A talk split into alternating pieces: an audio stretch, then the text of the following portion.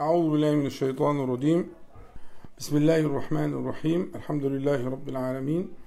اللهم صل على محمد النبي وأزواجه أمهات المؤمنين وذريته وأهل بيته كما صليت على آل إبراهيم إنك حميد مجيد. أما بعد فهذا لقاؤنا الأسبوعي المبارك لقاء الوصال. و آه، نبدأ إن شاء الله تعالى بما رحلناه من المجلس السابق. فكنا في المجلس السابق بدأنا ذكرا من أذكار الإيواء إلى الفراش وكان هو الذكر الرابع عشر من أذكار الإيواء إلى الفراش. ثم آه كنا عقدنا النية أن نتبعه بمشهد من مشاهد الآخرة آه ثم نتبعه بشيء من فضائل القرآن الكريم. ولكن الوقت لم يتسع لذلك. فنبدأ بما رحلناه وإن بقي وقت إن شاء الله تعالى نعود إلى أذكار الإيواء إلى الفراش فمن مشاهد الآخرة كنا قد طالعنا مشهدا من تلك المشاهد وهو مشهد النجوى ما يكون بين الله تبارك وتعالى وبين من سيناجيهم سبحانه وتعالى في الآخرة ويدنيهم ويجعلهم في كنفه إلى أن ينتهي هذا المشهد العجيب. وقلت لك قبل ذلك إن مطالعة المشاهد مشاهد القيامة ومشاهد الآخرة شيء مهم جدا في تحقيق الإيمان وصيانته وفي الترقي في رتب الإيمان. وأعلاها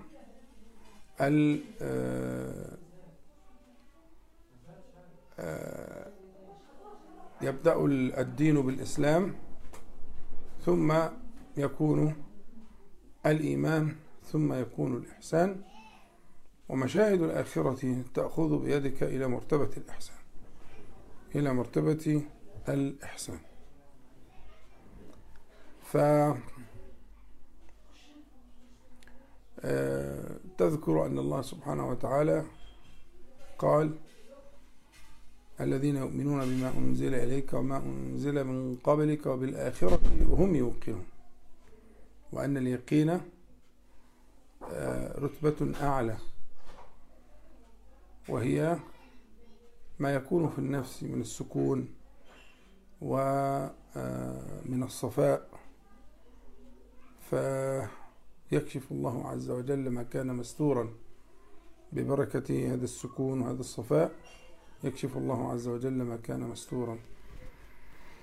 فكلمة المشاهد وهي جمع مشهد هي من مادة الشهود كأن المرء صار شاهدا كما يكون المرء شاهدا في القضاء وشاهدا في القضية وشاهدا في الشيء فكأنه شهد الأمر بعينيه. وهذه الصور الموجودة في القرآن الكريم هي صور متكاملة صور متكاملة. فيها صوت ولون وحركة و وانفعالات إنسانية بشرية وأحداث جسام و... هكذا يصور القرآن الكريم تلك المشاهد. وشهود مشاهد الآخرة من أجل المشاهد في القرآن الكريم. والشاهد لها يترقى في إيمانه إلى أعلى الرتب إلى أن يبلغ درجة الإحسان. فمشاهد الآخرة تحتاج لعناية خاصة. يعني أنت بتقرأ القرآن الكريم آه تأتي عند مشاهد الآخرة و تتوقف مليا لتنظر وتتفكر وتستحضر وكأنك تشهد المشهد الذي يرسم أمامك بتفاصيله بتفاصيل الحركة واللون والصوت والغبار والريح والألوان يعني بكل بكل تلك المكونات لهذه الصورة أنت تحتاج إليها. لتشهد هذا المشهد فكأنك ترى المقام. ففي الحديث السابق في الحديث السابق ترجع إلى إلى هذا المشهد وكيف آه، كان مؤثرا إلى أبعد آه، قدر من التأثير. اللي هو مشهد الإيه؟ مشهد المناجاة. الليلة إن شاء الله تعالى وكل مرة بإذن الله سنأخذ مشهدا من مشاهد القيامة لعل الله تعالى أن يبلغنا هذا اليقين وأن يكشف لنا من المستور بفضله سبحانه وتعالى. فنعبد ربنا سبحانه وتعالى كأننا نراه جل جلاله. الحديث الذي معنا هو حديث صحيح أخرجه ابن حبان وغيره في صحيحه وهو حديث صحيح. ومن رواية جابر بن عبد الله رضي الله عنهما يقول لما رجعت مهاجرة الحبشة يعني الذين هاجروا إلى الحبشة وأنتم تعلمون أن الصحابة رضي الله عنهم رجالا ونساء هاجروا إلى الحبشة هجرتين. فلما رجعت مهاجرة الحبشة إلى رسول الله صلى الله عليه وسلم قال لهم عليه الصلاة والسلام ألا تحدثوني بأعجب ما رأيتم بأرض الحبشة؟ لأن أرض الحبشة هي أرض لأناس من أهل الكتاب وكانوا من أعدل أهل الكتاب في هذا الزمان إن كان فيهم عدل يعني كان بعضهم من أهل الإنصاف والعدل. فسألهم ألا تحدثوني بأعجب ما رأيتم في أرض الحبشة. قال فتية منهم يا رسول الله بينما نحن جلوس مرت علينا عجوز من عجائزهم. وفي بعض الروايات من عجائز رهابينهم. عجائز الرهبان يعني اللي هم كانوا يتفرغون للعبادة وللذكر ورهبانية ابتدعوها ما كتبناها عليهم. ف عجوزا من عجائز رهابينهم. يعني مفروض إن هؤلاء بيكون لهم في الأمة نوع من الاحترام. يعني من ينسب إلى الدين ومن ينسب إلى التعبد ومن ينسب إلى الذكر. هؤلاء يكونون لهم في في قلوب الناس وفي أعين الناس مهابة ولهم في قلوب الناس وفي أعين الناس مكانة. فمرت عجوز من عجائز رهابينهم وهي تحمل على رأسها قلة من ماء. فمرت بفتى منهم فجعل إحدى يديه بين كتفيها ثم دفعها على ركبتيها فانكسرت قلتها فانكسرت قلتها. فلما ارتفعت بعد هذا الغدر التفتت إليه ثم قالت ستعلم يا غدر. غدر الوزن ده مستخدم عند العرب. يعني طبعا هو ينتقد ذلك بالعربية ولكنها يعني هو يقولها كما قالتها هي ستعلم يا غدر. فال هذا الوزن اللي هو وزن فعل إذا سمي به إنسان فإنما يراد به يعني هو وزن للتقليل للتحقير للتسفيه للتصغير المراد به. فيعني يا أيها الغادر الصغير الحقير ده معنى إيه؟ ستعلم يا غدر. آه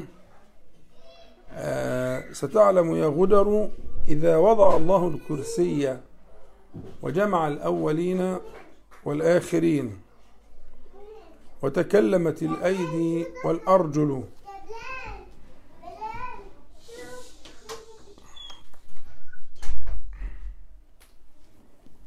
ستعلم يا غدر إذا وضع الله الكرسي وجمع الأولين والآخرين وتكلمت الأيدي والأرجل بما كان يكسبون. مرة تعود على اللفظ مرة تعود على المعنى. هذا كثير في القرآن الكريم وفي لغة العرب. فسوف تعلم أمري وأمرك. فسوف تعلم أمري وأمرك عنده غدا. فقال رسول الله صلى الله عليه وسلم صدقت ثم صدقت. كيف يقدس الله قوما لا يؤخذ لضعيفهم من شديدهم؟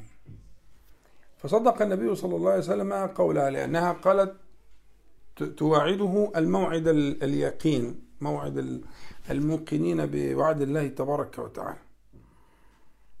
حينما ينصب الله تعالى الميزان ويجمع الأولين والآخرين ويستنطق الجوارح. فتكلمت الأيدي والجوارح بما كانوا يعملون. حينئذ سيفصل الله تعالى بين العباد وسيأخذ الله سبحانه وتعالى آه، للضعيف من القوي. المهم الشاهد أن النبي صلى الله عليه وسلم قال صدقت ثم صدقت ده توكيد. صدقت ثم صدقت. وأهل الكتاب عندهم ما يوافقنا. ليس كل ما عندهم نوافقهم عليه ولكن لهم ما آه، بقي من الصحيح من دينهم. وهذا من الصحيح. ثم علق النبي صلى الله عليه وسلم تعليقا مهما جدا. يقول كيف يقدس كيف يقدس الله قوما؟ تقديس معناه إيه؟ شوف معنى الأصلي ونشوف المراد هنا. معناه المادة نفسها مادة القاف والدال والسين القدس والقدس. هو السطل الكبير الإناء الواسع اللي فيه كمية مية ضخمة ماء ضخم كثير جدا. وهذا الماء لا, لا, لا, لا يسهل تغيره ولا يسهل آه، آه، آه، ذهاب ما فيه من الصفاء والطهارة وإلى آخره.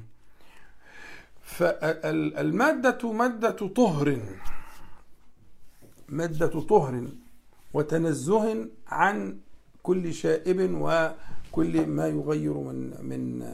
وبالتالي إنما تستخدم في التطهير وفي الطهارة وما معناه وما يتعلق به. ومنها اسم الله تعالى القدوس.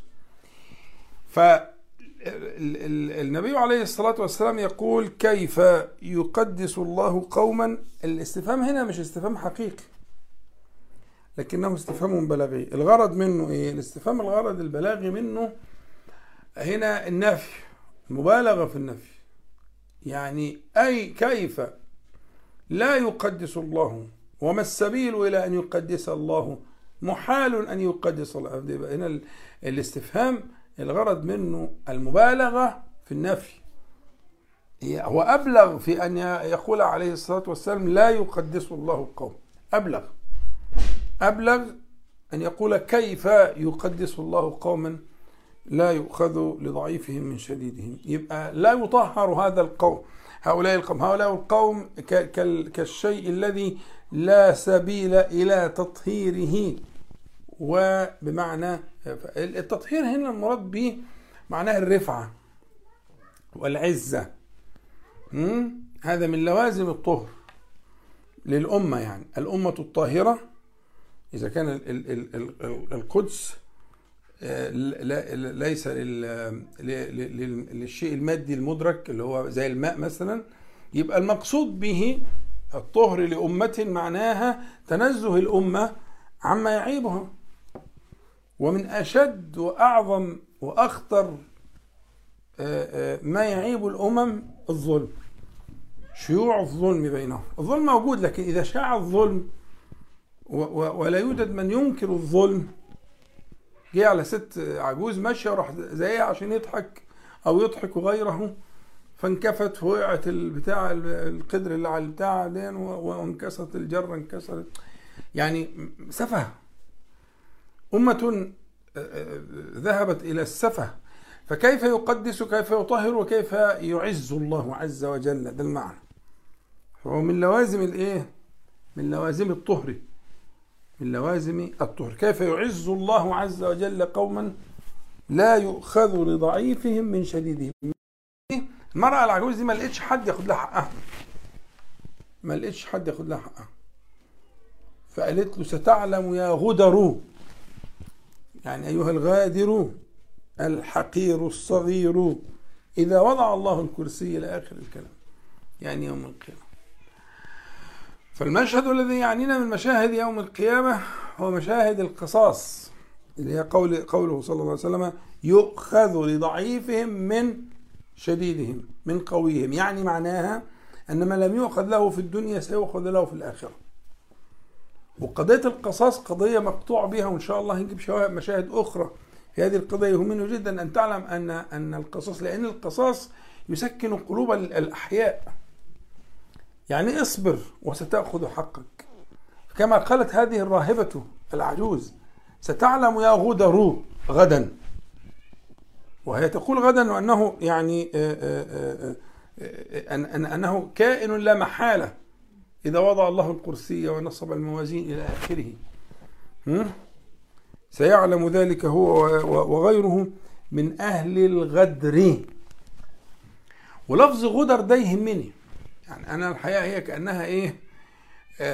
تنبهنا إلى أنواع من أنواع الظلم. يعني الظلم أنواع وأشكال وطرق ووسائل. فهي تتكلم هنا لأنه جاء من ظهرها وغدر بها. وغدر بها. فالشاهد هنا الذي يعنيني ويعنيك أنه شاهد على أهل الغدر. شاهد على أهل الغدر. أن الله سبحانه وتعالى سيأخذ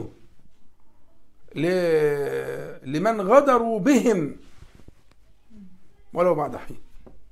سيأخذ إما أن يأخذ في الدنيا والآخرة أو أن يرجع ذلك كله سبحانه وتعالى إلى الآخرة. ستعلم يا غدر فهذا المشهد وتأكيد النبي صلى الله عليه وسلم يهمني جدا ويهمك أن ذلك كائن لا محالة لقوله صلى الله عليه وسلم صدقت ثم صدقت. والحق اليقين. ستنصب الموازين وتوضع الأعمال ويؤتى بالأهل الغدر. وقد قلت لك إن من مشاهد القيامة المهمة المتعلقة بهذا المعنى ما صح عن النبي عليه الصلاة والسلام أنه ينصب لكل غادر لواء يوم القيامة. يكتب عليه هذه غدرة فلان. وكلمة لواء معناها إيه؟ يعني حاجة زي اللي إحنا بنسميها العلم يعني اللي هو ال ال الراية يعني الراية الكبيرة. و و وإنما جعل ذلك على على الراية ليراه الناس جميعا لأن المحشر الناس مستوية في المحشر. مفيش حد عالي عن حد مفيش جبال مفيش آه، آه، كثبان مفيش آكام مفيش كلام من ده أصلا. هو كله مستوي كالطبقة الواحد زي ما يكون الأرض مستوي فالناس لا يرى بعضهم بعضا. فلكن إذا أراد سبحانه وتعالى أن يميز فيجعل إيه؟ لواء, لواء زي الراية العالية كده. ومكتوب عليها هذه غدرة فلان. يعد عشان أهل الغدر هيتاخدوا يتحاسبوا. الغدر خسة غير الظلم. يعني هو صورة من صور الظلم فيها مزيد من الخسة. فيها مزيد من الخسة. يعني فكرة ال ال ال الظلم عموما لابد أن يقضى عليه تماما في القيامة لابد أن يقضى عليه تماما في القيامة ليه بقى؟ ها قول لي أنت ليه؟ ليه؟ لأن الله تعالى يقول لا ظلم اليوم ولا دي اسمها لا نافية للجنس. فلما ينفي رب العالمين سبحانه وتعالى جنس الظلم يوم القيامة ما فيش ظلم. يعني إيه ما فيش ظلم؟ ما كان في ظلم. إيه اللي منفي؟ ما بيقول لا ظلم. هو في ظلم فعلا. يعني في مظلومين ده المظلومين أكثر من الظالمين. فإيه حكاية لا ظلم دي؟ يعني سترد الحقوق وتؤدى إلى أصحابها حتى في العجموات وإن لم تكن من المكلفين. يعني حتى يقاد من الدابة أو من التيس أو من نحوه القرناء يقاد منها. للجلحاء للتي لا قرن لها. يعني نفي الظلم معناه أن ينفى الظلم بالقصاص وأن تؤدى الحقوق إلى أصحابها. يبقى كلمة لا ظلم نافية للجنس لكن كان وقع ظلم فعلا. فكيف يرد ترد يرد ذلك برد الحقوق إلى أصحابها؟ ويؤخذ من الظالم للمظلوم.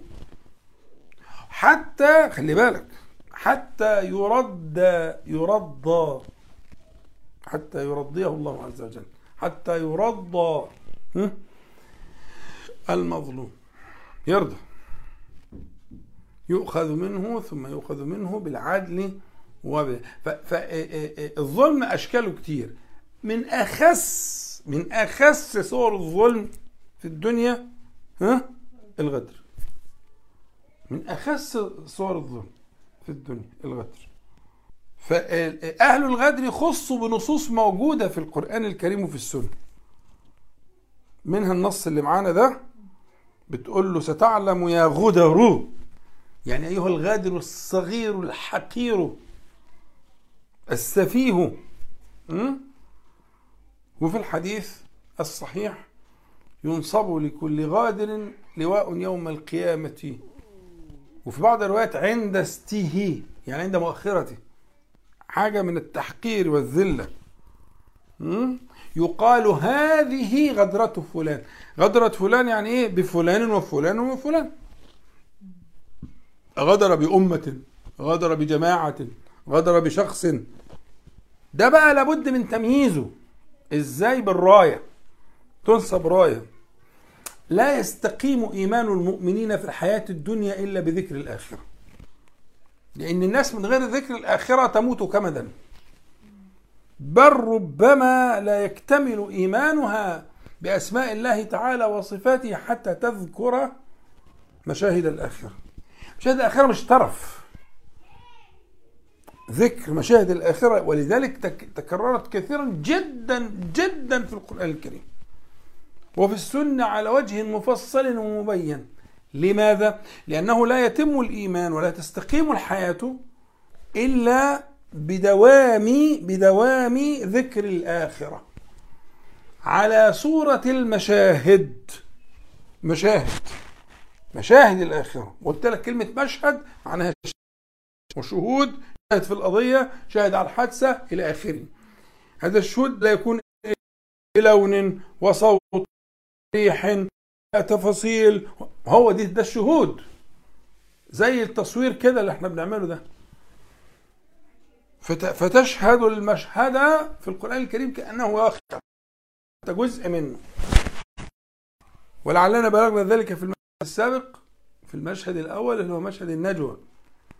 ونبلغه إن شاء الله الآن في مشهد الإيه؟ إيه؟ القصاص من أهل الغدر. ربما لو ذكر الناس ذلك لتراجعوا. لتراجعوا عن غدرهم. طيب.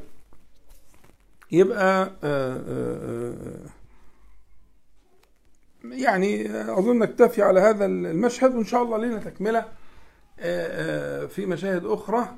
بدأنا بمشهد النجوى وثنينا بمشهد الغدر أهل الغدر. المعنى الذي بعد ذلك هو كان معنى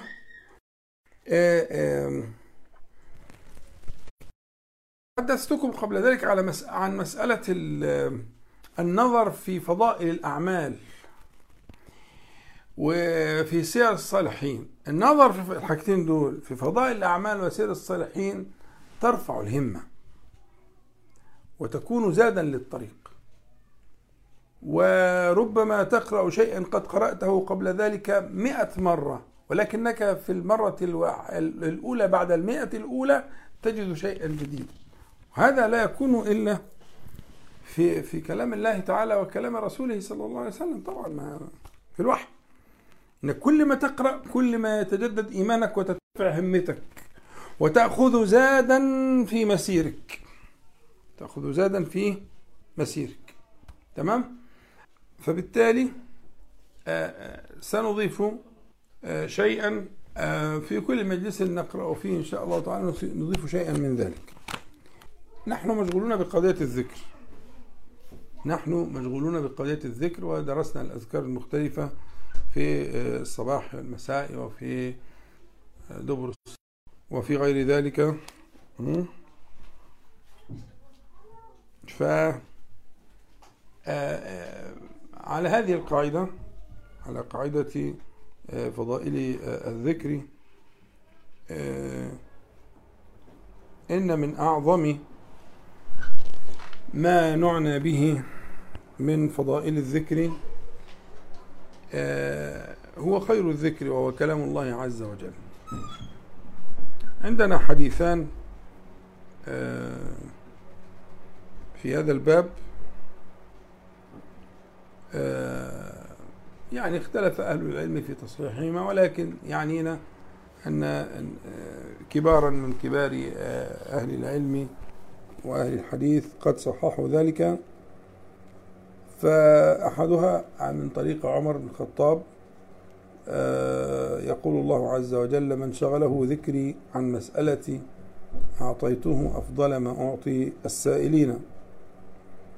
وهذا الحديث يكفينا أن الحافظ ابن حجر رحمه الله تعالى حسنه في في أماله أن الحافظ ابن حجر حسنه وغيره صححه يعني. يقول الله عز وجل من شغله ذكري عن مسألتي أعطيته أفضل ما أعطي السائلين. في حديث آخر اختلفوا في آه في آه برضو لكن بعض زي الحافظ المنذري صححه بس ده من طريق أبي سعيد الخدري أن الله عز وجل يقول وكلاهما حديث قدسي يقول من شغله القرآن عن ذكري ومسألتي أعطيته أفضل ما أعطي السائلين وفضل الله كلام وفضل كلام الله على سائر الكلام كفضل الله على خلقه. الشاهد في الحديثين إنه أن القاعدة أن الله سبحانه وتعالى يعطي الذاكرين أفضل ما يعطي السائلين عموما. الله عز وجل بس خلي بالك الحديثين بيتكلموا عن حالة حالة لا يقصده لا, لا تقصد. يعني مش واحد يقول إيه سأترك السؤال وأشتغل بالذكر. لا لا لا. حديثين. على قولهما وإحنا أخذنا بالقبول. الحديث الحديثان يتحدثان عن حالة. حالة نفسية حالة قلبية. إيه الحالة دي من أول كلمة. الحالة دي إيه؟ من شغله. فهو مشغول مش بإيده. يعني كان مخصص وقت وساعة كده وساعة كده فضغط الساعة الأولى على الساعة الثانية. وراح الوقت. وأنا دايما أضرب مثل ده بيحصل معايا شخصيا مع ناس كتير. إلا ساعة الإجابة يوم الجمعة في الصيف بتبقى طويلة فيها مثلا ساعتين ثلاث ساعات بنقدر نعمل فيها حاجة. في الشتاء بتقصر شوية فممكن تبقى أنت مخطط إن ساعة الإجابة دي هتعمل فيها واحد هتقرأ فيها سورة الكهف وهتعمل فيها كذا وكذا وكذا. وبعدين إيه حالة الإيه؟ ها؟ الحضور والشهود في أذكار المساء مع القرآن الكريم مع ورد قلته مع آية شغلتك توصل فجأة المغرب بيأذن ده أنا كنت مجهز قائمة. أعددت قائمة بالسؤال ولا لا اطمئن. اطمئن ليه بقى؟ عشان أنت إيه؟ ها؟ اسمها إيه؟ شغلت.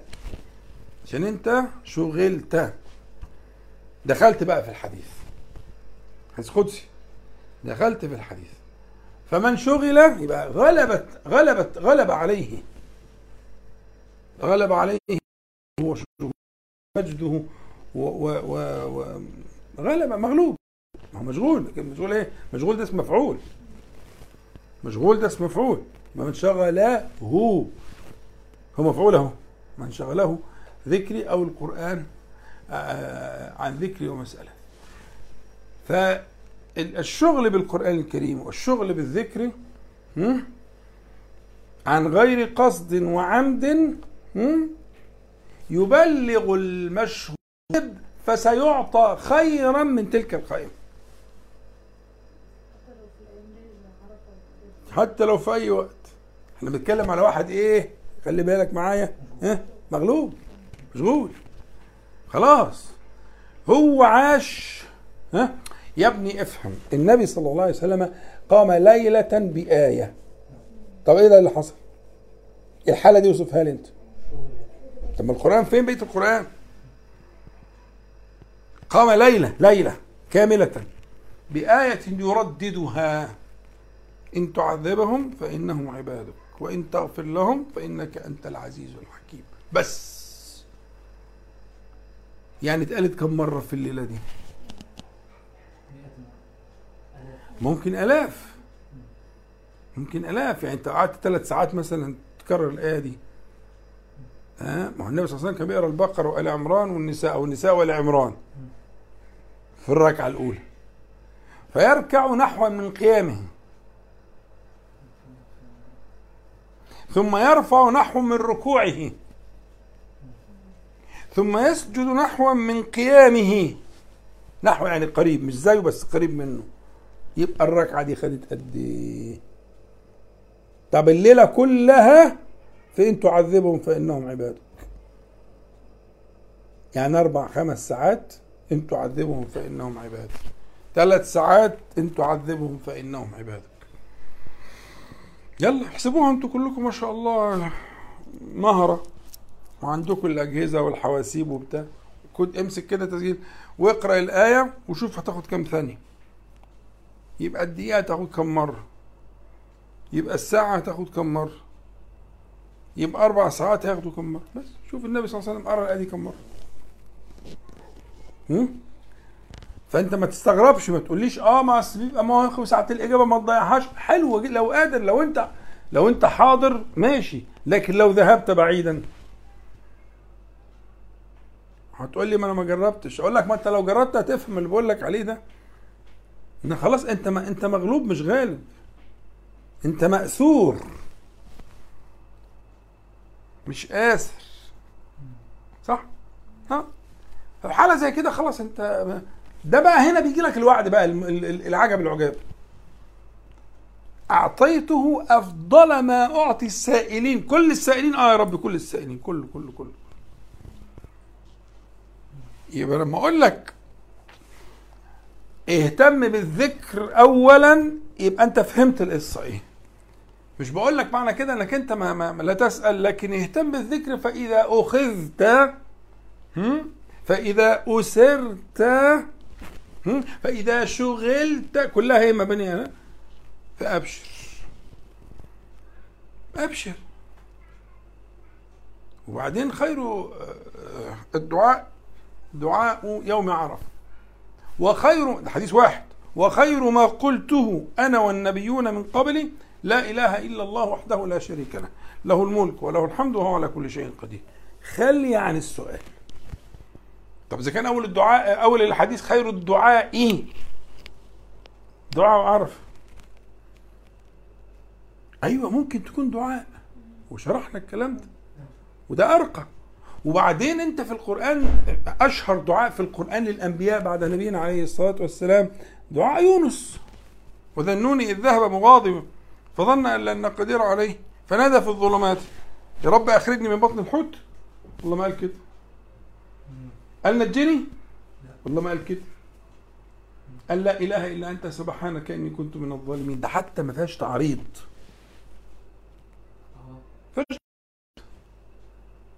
ربنا تعالى قال إيه؟ ها اللي بعدها في سورة فاستجبنا له. فاستجبنا هو كان في طلب. فاستجبنا الاستجابة دي تكون لإيه؟ ها؟ للطلب. مفيش طلب أصلا. أمال إيه فاستجبنا دي؟ لا ده في طلب بس أنت اللي مش فاهم. ده ده مش في طلب. ده ده هو أعلى الطلب. ده أرقى الطلب. ما تقول لا إله إلا الله وحده لا شريك له له الملك والحمد على كل شيء قدير. بعد الفجر عشرة وبعد المغرب عشرة يا ابني افهم. ده ده عين دي كلمة كلمة الأنبياء دي كلمة اللي فاهمين. كلمة أهل البصائر. إلزام ذكر الله. طب استنى. لما سيدنا أبي قعد يقول للنبي عليه الصلاة والسلام إني أحب الصلاة عليك فكم أجعل لك من صلاتي؟ قعد يقول وإن زدت فهو خير لك. قال أجعل لك صلاتي كلها. يعني الساعة دي اللي هي ساعة كانت متقسمة لكذا وكذا وكذا أخليها صلاة عليك. عليه الصلاة والسلام. صلى الله عليه وسلم. قال له إيه؟ إذا تكفى همك ويغفر لك ذنبك وما سألش. لا ما فيهاش بقى حتى تعريض. ده هو بيصلي على النبي عليه الصلاة والسلام. يرفع قدره ويعلي ذكره إلى آخره. الحاجات اللي شرحناها في معنى الصلاة على النبي عليه الصلاة والسلام. جميل جدا طلب حاجة؟ طلبش حاجة. أمال النبي عليه الصلاة والسلام رتب على كده إيه؟ قال له إيه؟ ها؟ اذا يغفر لك ذنبك وتكفى همك. الله ما هي دي طلبات. فأنت عشان تسمع كلامي وتصدقني مسألة مقطوع بيها. بس أهم وهي لها مدارها على حاجة واحدة أنا قلت لك عليها. اللي هي فكرة أن يشهد القلب ما يتحرك به اللسان. اللي هي اللي كانت سبب في حكاية صاحبنا حصل له إيه؟ ها؟ شغل. ما هو ما شغلش في المحمول. ما هو انشغله ذكري عن مسألة مشغول هو زي بالظبط اللي بيحصل في المحمول. انه يقعد يستدرك يستدرك. يا نهار أبيض! ده فاتت ساعة. وهو ممكن يحلف قبل كده إنه ما فاتش أكتر من 10 دقائق ربع ساعة.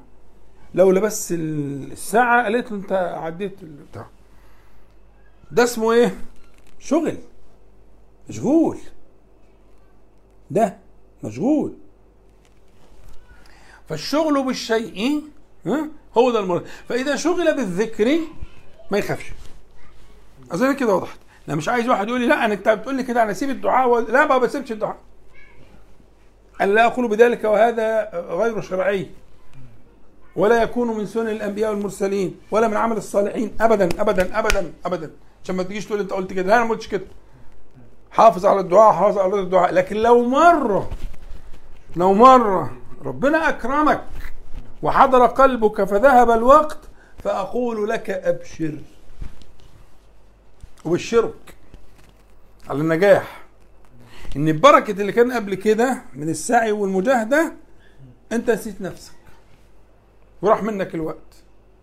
وكنت حاطط أشياء عشان تدعو ورحت لا تسعى لذلك قصدا لقوله صلى الله عليه وسلم أو لقول الله عز وجل كما بلغنا نبينا صلى الله عليه وسلم في الحديث القدسي إيه؟ من شغله من شغله خلاص يبقى القاعدة دي قاعدة مهمة نستصحبها في طريقنا في آه، مدرسة آه، آه، الزاد الذي سنتزود كل مرة بشيء من فضائل الذكر عموما وفضائل القرآن الكريم على وجه الخصوص. وده اللي يهمني ان أنا يعني إنما جعلت تلك المقدمة لذلك.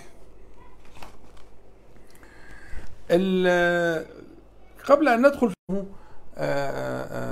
النبي صلى الله عليه وسلم ويقسمه الصحابة فعلوا ذلك بأمر النبي عليه الصلاة والسلام إلى أربعة أقسام. القرآن أربع أقسام. في حاجة اسمها الطوال ودي صور اسمها الطوال. وفي حاجة اسمها ألمئون. ألمئون دي جمع مئة. يبقى الطوال جمع طويل أو طويلة. اللي هي آه، آه، جمع مئة. يعني التي من ذوات المئة وما يزيد. السور من ذوات المئة آية وما يزيد. وفي حاجة اسمها المثاني المثاني والمثاني دي لها كذا معنى. إنها بتثنى تعاد. إنها بتتلو تأتي بعد المئين مثلا في الرتبة هي الثانية بعدها إلى آخره. وحاجة اسمها المفصل. يبقى تقسيم صور القرآن الكريم لأربعة إيه؟ ها؟ أقسام. وهو موافق تقريبا لترتيب الصور في المصحف الشريف. مش ترتيب النزول بقى. ترتيب المصحف الصور في المصحف الشريف مرتبة هكذا. السبع الطوال ثم هم هم المئون ثم المثاني ثم المفصل. جمهور أهل العلم المفصل جمهور أهل العلم المفصل بيبدأ من سورة قاف. في خلاف خفيف كده بس ما يعنيكش في شيء لكن خلينا ننجز. قاف إلى سورة الناس. سورة الناس. كان الصحابة يسعون في أن يحزبوا القرآن كتحزيب النبي صلى الله عليه وسلم سبعة. سبعة يعني على سبع أيام. يعني كان النبي صلى الله عليه وسلم بيقرأ القرآن كاملا في سبعة أيام. وده أعدل الأشياء. والذي يستطيع أن يصنع أن يصنع ذلك فسيصنع كصنيع النبي عليه الصلاة والسلام. معنا حديث لطيف جميل. لما جاء آه، وفد من بني مالك على النبي عليه الصلاة والسلام آه، جعلهم في قبة له وكان آه، النبي صلى الله عليه وسلم يأتيهم كل ليلة. هذا الوفد كان من ثقيف. كان يأتيهم كل ليلة. يحدثهم طويلا حتى يراوح بين قدميه من طول القيام? وكان يحكي لهم آه، عما كان بينه وبين قومه. لا سواء كنا مستضعفين مستذلين. ده كلام مهم جدا يعني في مكة. يعني أنه كان يذكر الناس أن هذه سنة الله. يعني مع كرامة النبي صلى الله عليه وسلم على ربه لكن دي سنة الله. كنا مستضع- مستضعفين مستذلين عشان الناس ما تقلقش. ده كان ده في حق خير خلق الله. وفي حق أك- أكرمهم عليه صلى الله عليه وسلم؟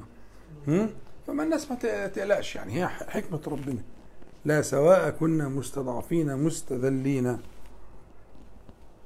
فلما خرجنا إلى المدينة كانت آه، سجال الحرب بيننا وبينهم ندال عليهم ويدالون علينا مرة ومرة يعني مش كله كده. يعني في بدر آه بس في أحد واخد بالك؟ فلما كانت ليلة أبطأ علينا هم متعودين يجي لهم في وقت معين كل ليلة. فلما جاءت ليلة أبطأ علينا صلى الله عليه وسلم. فقال كأنه يبين سبب ذلك. يطيب خواطرهم يعني عليه الصلاة والسلام. يبين لهم ذلك. فقال عليه الصلاة والسلام إنه طرأ علي حزبي فكرهت أن أجيء يعني إليكم حتى أتم. ده بقى درس مهم جدا. إن تقديم الأولويات وترتيب الواجبات مقامه معهم مقام دعوة ومقام تثبيت وإلى آخره ودول ثقيف دول آخر من دخل في الإسلام. لأن حصرهم بعد الفتح مكة وبرضه ما أسلموش وتركهم. فثقيف دول من آخر آخر قبائل العرب دخولا في الإسلام. واخد بالك؟ المهم يعني وفي روايات إن ده كان مع أهل الصفة في الأول ممكن تكرر ممكن. المهم الشاهد مش عايز أشغلك بالإيه؟ بال أنا ادعو بك إلى بيت القصيد. بيت القصيد أن النبي صلى الله عليه وسلم يرتب الأمور. فطرأ علي حزب يعني شغل بمشاغل أخرى بأشياء كده. فحزب اللي هو بيقرأه وقته اتأخر. يقول فكرهت أن أجيء حتى أتمه. فكرهت أن أجيء حتى أتمه. فجاءهم النبي عليه الصلاة والسلام وحكى لهم فهم بقى سألوا بقى أصحاب النبي صلى الله عليه وسلم كيف تحزبون القرآن؟ كيف تحزبون طب فهمونا بقى. طب إيه هو السنة؟ أنتوا يعني أصحاب النبي صلى الله عليه وسلم وبقالكم سنين معاه ها؟ كيف تحز تحزبون القرآن؟ اسمع بقى. فقالوا لهم ثلاث وخمس وسبع وتسع وإحدى عشرة وثلاث عشرة وحزب المفصل. فأنت لو هتحسب امسك المصحف كده ورايا وعد. ثلاث من السورة رقم اثنين مش من واحد لأن واحد الفاتحة. فثلاث هتبقى إيه؟ البقرة والعمران والنساء. يبقى ده اليوم الأولاني. اليوم الثاني خمس هنمسك إيه؟ المائدة والأنعام والأعراف والأنفال والتوبة هنمسك اليوم اللي بعديه ها؟ سبعة يونس وهود ويوسف وعد سبعة أنت لو عملت كده اليوم السابع هتلاقي نفسك واقف على قاف ودي من الأدلة على إن قاف هي أول المفصل لو لو لو أنت عملتها كده على على المصحف على صور المصحف في ترتيب المصحف هتلاقي نفسك في اليوم السابع واقف على إيه؟ ها؟ على سورة قاف. ففي السابع قال المفصل، فالمفصل ده بتاع يوم اللي هو من قاف للناس. فهكذا كانوا يحزبون القرآن. طيب هو المفصل ده حكايته إيه؟ المفصل ده له ميزة فطبعا هو قال النبي عليه الصلاة والسلام كما صح في حديثه الشريف إنه قال أعطيت آه،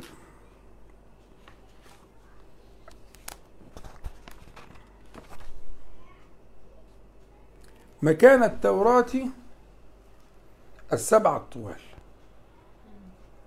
وأعطيت مكان الزبور المئين.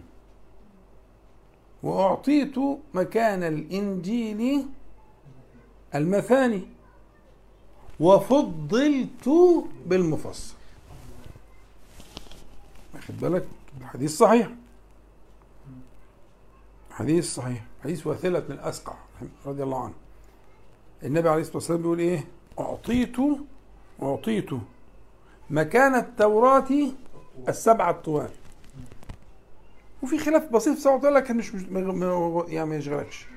أعطيته مكان التوراة التوراة ده كتاب مين؟ ها؟ الكتاب المنزل على موسى. وأعطيت مكان التوراة السبعة الطوال. وأعطيت مكان الزبور المئين. الزبور ده الكتاب المنزل على مين؟ على داود عليه السلام. وداود هو أول ملك أول نبي ملك في بني إسرائيل. ما كانش في ملك قبليه. كانت الملك بكل الملوك العاديين والأنبياء موجودين. من أول موسى عليه السلام مرورا بأول ملك نبي هو إيه؟ داود. خلاص؟ وأعطيته مكان الزبوري اللي هو كتاب آه، داود عليه السلام. المئين وأعطيت مكان الإنجيل. الإنجيل ده كتاب مين؟ عيسى عليه السلام. وهو تكملة لما قبله. وتتم وتصحيح وتخفيف. وأعطيت مكان الإنجيل. المئين قال عليه الصلاة والسلام وفضلت المثاني. وفضلت ها؟ بالمفصل. فده يبين لك قيمة المفصل. ولذلك كانت قراءة النبي صلى الله عليه وسلم أغلبها في الصلوات يعني الجهرية من المفصل.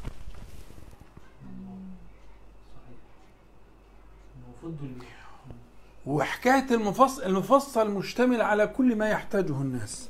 والمفصل أغلبه سواده يعني فوق 90% منه مكي. قرآن مكي. والقرآن المكي قرآن جزل. قرآن قوي.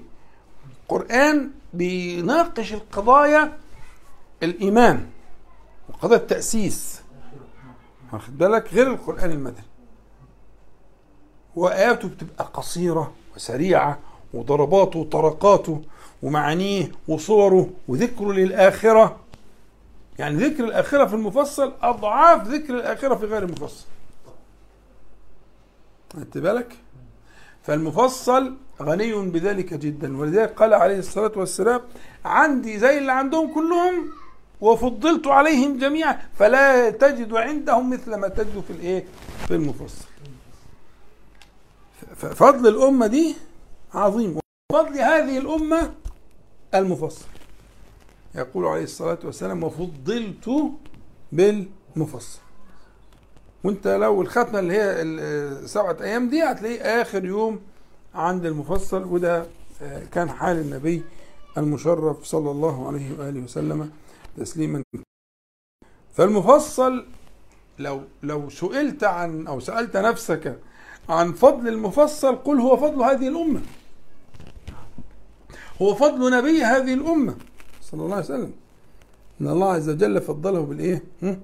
بالمفصل. فإن شاء الله نبدأ. نأخذ شيئا فشيئا. في فضائل المفصل أنا مش عارف كده إيه. الوقت. أطلنا؟ أطلنا. طيب خلاص ماشي. أنا أنا أنا مطيع إن شاء الله. وأنا كان في الغرض إن نبدأ في سورة قاف. نتكلم في سورة قاف وفضائلها. نتكلم في فضائل مش هنتكلم في تفسير. التفسير ده له مقام تاني. لكن نتكلم في فضائل السور. فضائل نبدأ بفضائل قاف. وقاف سورة لها آه، خصوصية عجيبة جدا. يكفيني فيها حديث واحد. في واحدة اسمها أم هشام. أم هشام بنت حارثة ابن النعمان. دي بقى كانت جارة النبي صلى الله عليه وسلم في أول ما نزل المدينة. آه. بتقول كان تنورنا وتنور النبي صلى الله عليه وسلم واحدا. آه سنتين أو آه سنة ويزيد. يعني كان التنور اللي هو الفرن. التنور هو الفرن. فكان لسه الحال ضيق فكان كل بيتين ثلاثة لهم فرن. فهي عايزة إيه؟ بتكني دي كناية عن قربها من النبي عليه الصلاة والسلام وتشرفها بهذا القرب من المكان القرب المكاني. فتقول إيه؟ كان تنورنا وتنور النبي صلى الله عليه وسلم واحدة لسنتين أو نحو ذلك?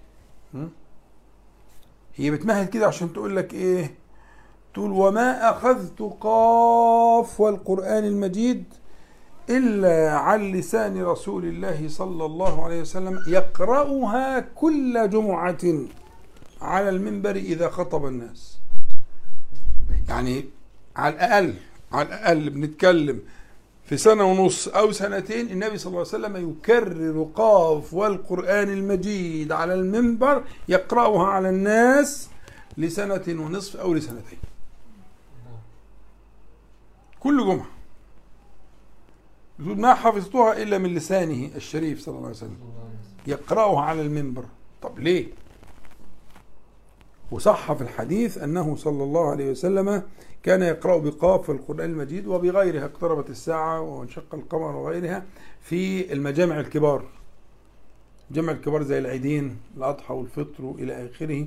فكان يقرأ هذه السور. هذه السورة المباركة لماذا كان يقرأها في, في إذا اجتمع الناس الجمعة على المنبر في الصلاة إيه العيد إيه علاقة السورة دي ها بمجامع الناس لماذا اجتمع الناس اجتماع غير عادي غير مألوف غير يومي ها يقرأ عليهم سورة قاف اللي هي بداية المفصل اللي هي فاتحة المفصل ها؟ أكيد هذه السورة اشتملت على المعاني الكبار والقضايا المهمة التي ها يحتاجها الناس. لأن اللي بيجوا في المجامع مش اللي هم بيجوا كل ساعة. يعني في ناس بتصلي مع النبي صلى الله عليه وسلم الخمس صلوات. لا دول مش مقصودين. إحنا ال ال ال ال ال السور بتقرأ الان تقرا الذين لا يأتون إلا في الإيه؟ البوادي والبتاع واللي بيجوا كل ما مناسبة. بيجوا في المناسبات. يجوا في المناسبات. اللي بيجي في الجمعة بيجي واللي بيجي في العيد بيجي. لما يجوا دول يسمعوا السوره دي. ليه؟ اشمعنى؟ لماذا إذا اجتمع الناس من الآفاق ومن هنا ومن هنا? نقرأ عليهم سورة قاف ونسمعهم إياها من على المنبر كما تقول أم هشام آه، بنت آه، آه، حارثة. لماذا؟ تقول وهي بتقول ما يقرأها كل جمعة على المنبر وهو يخطب. يبقى أكيد اشتملت على فإن شاء الله هتكون الفاتحة ونقرأ من فضائل هذه السورة ونبدأ كده كل مرة نقرأ شيئا من فضائل سور القرآن الكريم. لعل الله سبحانه وتعالى أن ينفعنا جميعا يا رب العالمين بما قلنا وما سمعنا وأن يجعله حجة لنا لا علينا يا رب العالمين. اللهم صل على محمد النبي وأزواجه أمهات المؤمنين وذريته وأهل بيته كما صليت على آل إبراهيم إنك حميد مجيد. الحمد لله رب العالمين. نقول جميعا سبحانك اللهم ربنا وبحمدك أشهد أن لا إله إلا أنت أستغفرك وأتوب إليك. السلام عليكم ورحمة الله.